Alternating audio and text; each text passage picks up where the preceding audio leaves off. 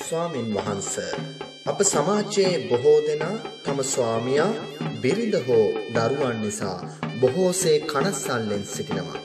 මෙයට විසඳුමක් තිබේද? ස්වාමිපා පුරුෂයෙක් නිසා සැප වේදනාවන් ලබනවා නම් ඒ කියන්නේ මාත්‍යේ ස්වාම පුරුෂයාගේ ප්‍රශ්නයක් නෙමේ බිරිඳගේ තියෙන කුසල් ශක්තිය. තේන්න? ස්වාම පුරුෂයෙක් බිරිඳක් නිසා සැප වේදනාවන් ලබනවා නම් ඒ ස්වාම පුරුෂයා කළා වූ කුසල් ශක්තියක ඵලය. තේන්න? ඒ නිසා නිරේතුරුවම සමාජ ජීවිතයේදී, පෞල් ජීවිතයේදී, විවාහ ජීවිතයේදී ගැටුම් මතුවෙනවා නම් මතුවෙන්නේ මාත්‍යෝ අපේ අකුසල් සංස්කාරයක් නිසාමයි. ඒක හොඳට තේරුම් ගන්න ඕනේ. අපේ අකුසල් සංස්කාරයක් නිසාමයි.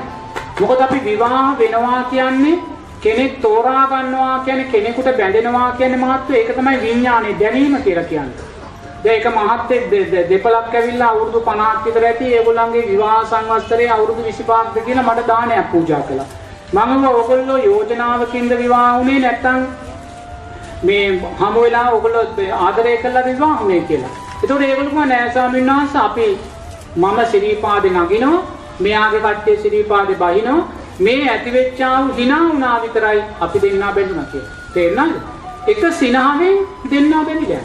තේරෙන? ඒතකොට මේ බැඳිනවා කිය සිනහව අවුරුදු 25ක වටිනා කියන විවාහ ජීවිතයක් කරන් අරන් ඒ වගේ මහත්වෝ අපේ දැනීම් සකස් වෙන්නේ. මෙයා මට බිරිඳ විය යුතුයි. මෙයා මට සාම්පුරුෂයා විය යුතුයි කියලා හේතුවක් නිසාමයි. තේරෙනවද?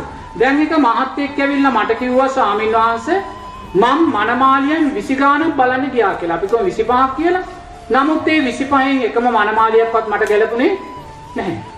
දැන් එයා 26 වෙනි මනමාලිය බලන්න යන්නේ. එයා 26 වෙනි මනමාලිය බලන්න යද්දී එයා තීරණය කරනවා මේ මනමාලිය මට සුදුසුයි කියලා. නමුත් මහත්තයා තීරණය කළා කසාද බැන්දට පස්සේ මාස 3න් මහත්තයෝ එයා දික්කසාදේ කරා යනවා. නැත්තම් නෝනා මිය යනවා. දැන් එයාට අර 24කටම හිත දුන්නේ නැත්තේ ඇයි? මේ සංස්කාරයාගේ පිටිපස්සේ තියෙනවා.